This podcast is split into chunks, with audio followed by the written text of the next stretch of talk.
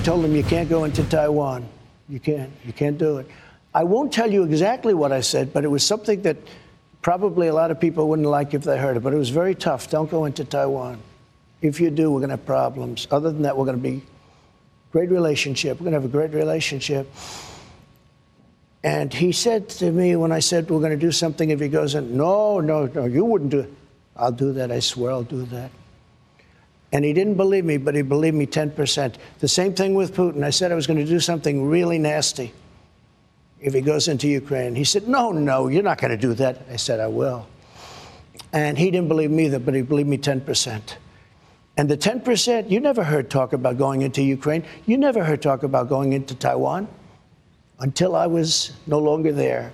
Ja, Donald Trump in zijn eerste grote televisie-interview sinds hij natuurlijk die arrestatie meemaakte in New York in de zaak Stormy Daniels. En hij spreekt hier met Tucker Carlson op natuurlijk Fox News. Miljoenen Amerikanen hebben gekeken en hij zet hier in feite zijn buitenlandbeleid in het kort uiteen. Zijn buitenlandbeleid is natuurlijk breder. Ik heb het vaker gehad over zijn dollardoctrine. Het feit dat hij heel erg een transactiepolitiek bedrijft. Maar hierin gaat hij in feite in op een vraag die heel veel voorkomt natuurlijk. Johan Derksen vroeg het ook vorige week aan mij. Als Trump nou terugkomt, uh, lopen we dan gevaar met z'n allen als het gaat om de oorlog in Oekraïne. En Trump zegt eigenlijk zelf: ja, jullie denken allemaal wel dat ik de stekker uit de NAVO trek. En dat zou misschien ook nog wel kunnen. Maar tegelijkertijd ben ik heel erg onvoorspelbaar. En dat zorgt ervoor dat andere grote landen bang voor mij zijn en niets durven te doen. Met andere woorden, bij mij had dit allemaal niet gebeurd. Ja, het was een van de opvallendste momenten, uh, vond ik uit dat interview. Trump heeft het vaker gezegd, maar ik vond het opvallend omdat we het hier er natuurlijk in Nederland er ook vaak over hebben en ook in Amerika zelf. Dat het goed was om het even uit te lichten en daarop in te gaan. Kijk, in mijn boek Lang Leven Trump heb ik de, de buitenlandpolitiek van Trump uitvoerig uit de doeken gedaan. Ik zei het net al, de dollardoctrine noem ik dat. Hè, dat overal wat tegenover moet staan in de vorm van geld. Dat geldt ook voor de NAVO. Trump zegt ik wil best Europa's veiligheidsfeestje betalen. Geen enkel probleem. Alleen in tegenstelling tot al mijn voorgangers wil ik daar gewoon doekoe voor hebben. Heel veel geld. Niet alleen naar de NAVO, maar ook naar ons. Uh, kijk ook naar Saudi-Arabië, uh, waar toen uh, Kamal Khashoggi, die journalist, ehm, in opdracht van Saudi-Arabië in stukjes werd gehakt op het consulaat in Turkije. Uh, toen zei Trump daarna ook van, ja, wat moet ik nou doen? We, hebben een enorm grote wapendeal uh, lopen met Saudi-Arabië. Moet ik die nu ineens afzeggen of zo? Ik bedoel, zij betalen, wij leveren. Zo gaat dat. Trump bedreef een transactiepolitiek. Hè? Voor wat hoort wat. Uh, we willen best wat voor je doen. Oh, en hier is ons rekeningnummer. maar als het om de buitenlandpolitiek gaat, specifiek over veiligheidsissues, dan speelde ook vaak toch die onvoorspelbaarheid van Trump mee. En daarom haal ik dit fragment aan. Trump begint daar zelf over in de, bij Fox News en uh, niet zonder reden vind ik, want daar heeft hij ook echt wel een punt. Er zijn tal van verhalen van bijvoorbeeld generaals uit Moskou of Beijing, die rechtstreeks schakelen, wat ze natuurlijk wel vaker doen, want die lijntjes lopen er altijd, met hun collega's in het Pentagon in Washington en vragen: Oh, Trump gaat toch niet? Of zal Trump morgen dit? Of uh, is Trump van plan om A, B of C te doen? En toen zeiden die Amerikaanse generaals altijd: nee, nee, nee, nee, hij twittert wel heel veel over zijn grote rode knop, maar komt goed, gaat hij voorlopig niet doen. Uh, maar dat geeft wel aan dat er toch een soort van siddering door uh, bijvoorbeeld China en Rusland ging, waar het, de buitenland, uh, waar het, het buitenlandbeleid van Trump betreft, omdat hij juist zo onvoorspelbaar was. En uh, Trump heeft het ook al eerder gezegd. Uh, een vriend van Trump was het eigenlijk die dat naar buiten bracht. Uh, die had gezegd dat als Poetin iets in Oekraïne zou gebeuren, dat Trump tegen Poetin had gezegd in een telefoongesprek: Als jij dat doet, dan bombardeer ik Moskou. En Poetin moest daar een beetje om lachen en ging daar verder niet op in. Maar die vriend zei van ja, het is toch die ene procent in het hoofd van Poetin die denkt van ja, maar zal Trump het niet toch doen? Want Trump is toch onvoorspelbaar. Trump is toch een beetje gek. Uh, en, en, en dat is wat hier Trump in het interview ook aanhaalt. Dat hij tegen uh, uh, Rusland, maar ook China zei: als je wat probeert in de respectievelijk Oost-Europa of in Taiwan, pas maar op, want dan druk ik op mijn grote rode knop of zoiets. Want Trump specificeert niet wat hij precies bedoelt. En Trump zegt ook eerlijk van ja, ze geloofden me niet echt. Maar er zat toch een beetje, Trump noemt dat dan 10%, er zat toch een beetje twijfel in hun hoofd van meent Trump dat nou wel of niet. En dat zorgt ervoor dat ze geen actie durven te ondernemen. En dat is een... Uh, onderdeel van Trumps uh, wijze van politiek bedrijven, Trumps buitenlandbeleid, wat erg onderbelicht blijft. En dat wat wel van belang is, denk ik, als we die discussie voeren over: oké, Biden heeft nu de NAVO nieuw leven ingeblazen. dankzij de Amerikanen blijft Oekraïne en daarmee ook heel Oost-Europa overeind staan tegen Rusland. Maar hoe zit, dan, dat, zit dat dan straks als Trump terugkomt? Hè? En we weten ook allemaal dat Trump uh, erg close was met Poetin als het ging om de relatie. Trump zelf zegt altijd van ja, maar ja, ik, ik moet met iedereen zaken kunnen doen, ook met hem. En, en het hele Rusland-onderzoek naar hoe Rusland mij geholpen heeft in die verkiezingen is een heksenjacht. Zo trek ik me weinig van Uh, maar al die dingen bij elkaar maken wel dat de vraag stellen. En wat ik zei, Johan stelde hem ook uh, uh, onlangs, maar in deze podcast en op andere plekken tijdens lezingen en zo hoor ik hem ook vaak langskomen. Wat gebeurt er nou als Trump straks terugkomt? Moeten we ons dan zorgen maken? En dan is dit ook een element wat in die discussie niet ondergesneeuwd moet raken. Trump is onvoorspelbaar en ook dat boezemt angst in bij buitenlandse mogendheden. Goed, tot zover. Uh, dan naar jullie vragen die jullie hebben ingestuurd via Instagram, Twitter en LinkedIn. Ja, een vraag van Tobias. Uh, als de Republikeinen de volgende president niet leveren en met het toenemende progressieve klimaat in de Verenigde Staten uh, gaan ze de komende jaren of decennia dan niet uitsluitend democratische presidenten daar de dienst laten uitmaken? Het lijkt precies alsof de Republikeinen de trein wat gemist hebben en Trump een uitzondering was. Ja, uh, Tobias, dat is een hele goede vraag. met andere woorden, verschuift hè, Amerika niet te veel naar links, waardoor de Republikeinen geen verkiezingen meer kunnen winnen?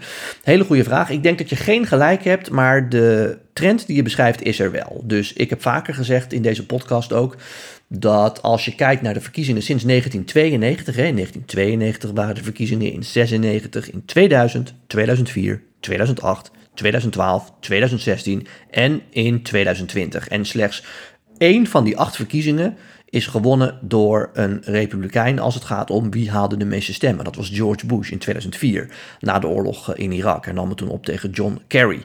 Uh, en ook zijn running mate destijds, hè, van John Kerry destijds, was uh, John Edwards. Daar heb ik vorige keer een podcast over gemaakt. Wat betreft die vergelijkingen tussen Donald Trump en Stormy Daniels. Maar, oh sorry, uh, dus de zaak Stormy Daniels en Trump en John Edwards, die iets soortgelijks had meegemaakt. Maar goed, acht verkiezingen dus sinds 1992. En slechts één keer haalden de Republikeinen meer stemmen.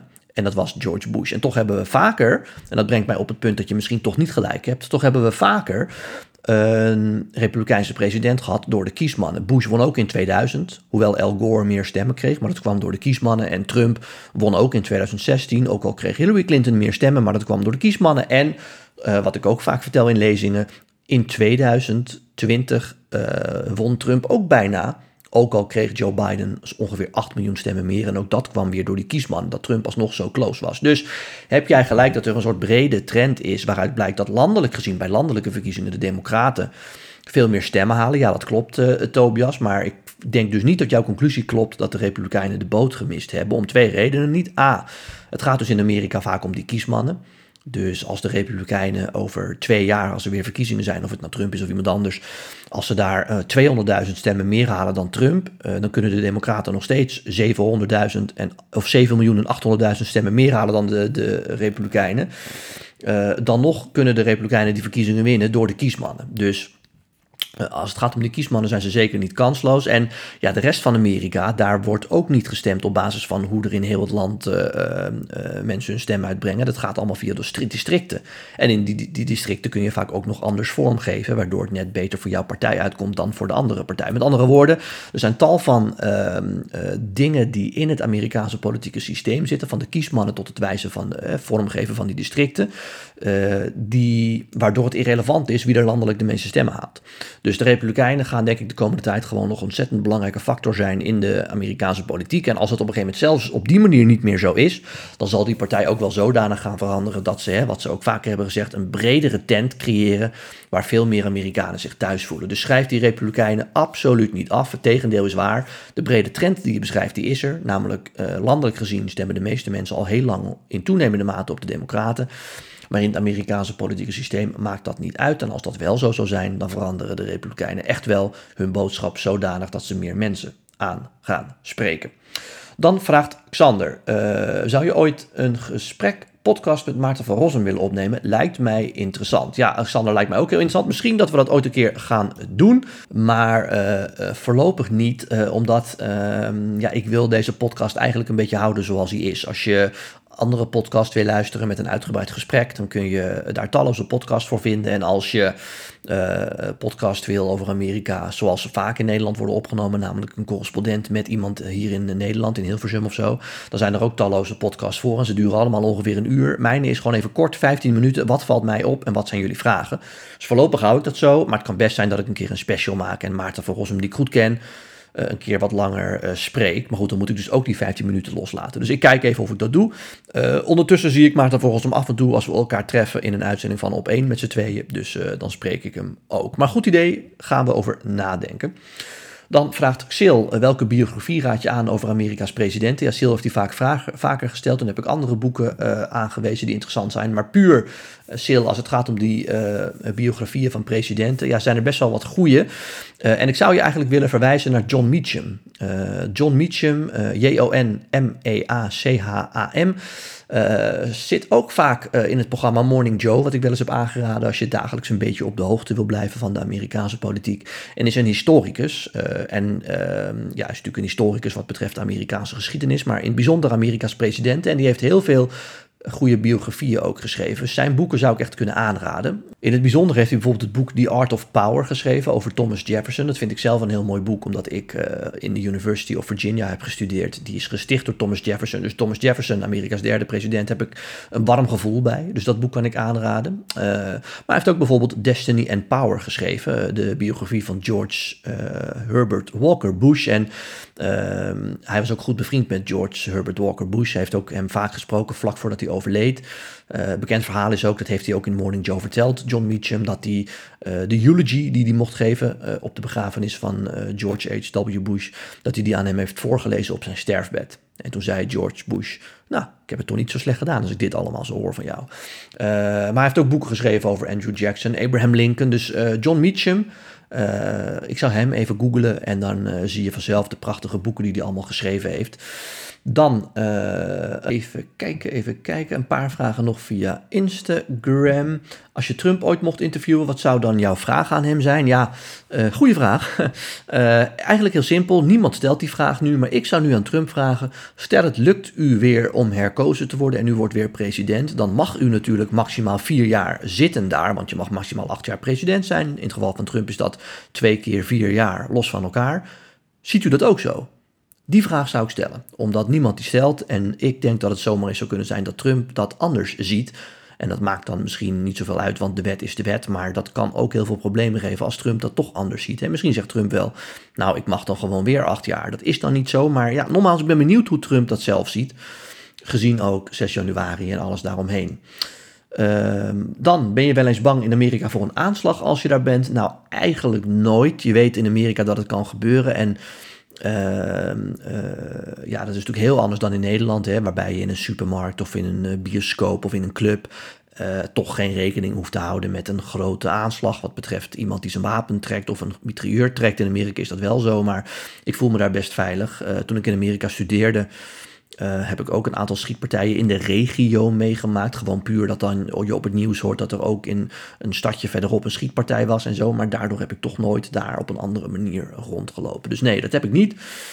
Uh, en dan nog een vraag van Bas. Uh, hey Raymond, ik zag dat je het overlijden meldde van Elizabeth Hubbard, a.k.a. Lucinda Walsh in As the World Turns. leuk dat je ook naar ATWT keek. Ehm, ja, ik heb veel reacties gehad op Twitter van mensen die die tweet hadden gezien, die ook naar As the World Turns uh, keken. Ja, uh, zoals ik ook in het berichtje schreef, As the World Turns was voor mij echt een guilty pleasure. Uh, iedere middag als ik van school terugkwam. Ik heb het echt een kleine tien jaar gekeken. Begon ermee, ik denk rond 2000 of zo. En tot en met het einde 2010 heb ik het wel gevolgd. Uh, en ja, het is een briljante soapserie. Anders dan heel veel andere soapseries ging het daar vaak ook ergens over. Dus waren ook wel uh, wat onbenullige items in. Maar over het algemeen waren het goede verhalen met sterke persoonlijkheden. En die Lucinda Walsh, zoals ze in de serie heette, echte naam was Elizabeth Hubbard. Uh, ja, dat was gewoon een keivrouw. Die leidde een groot bedrijf. die hele soap speelde zich af in Oakdale, een fictief dorpje in de staat Illinois. En die draaide eigenlijk om succesvolle Amerikaanse witte mensen, dat wel. Want het was een vrij witte soap toen nog. Mensen die advocaat waren, politieagent of in het geval van Lucinda Walsh een bedrijf leiden, heel groot. En dan in dat dorpje met elkaar allemaal, allemaal uh, tafereelen beleefden en elkaar natuurlijk het leven zuur maakten. Zij was echt fantastisch, maar ja, die soap duurde ook echt een uur. Ik geloof 40 minuten, dus met reclame een uur. Dat was wel anders dan al die andere soaps zoals The Bold and The Beautiful of Goede Tijden, Slechte Tijden, wat ik allemaal nooit keek. Dus ja, was gewoon een soort. Het was anders dan alle andere soaps. Uh, en daardoor heerlijk om gewoon even te kijken. Dus als eerbetoon aan haar en aan die hele soap natuurlijk, Esther Returns, laat ik jullie uh, achter met de begintune van die soap. Uh, sinds de jaren 90 was dit geloof ik de officiële tune tot en met begin de jaren 2000. en iedere middag als ik dit hoorde, dacht ik, ah, even lekker ontspannen.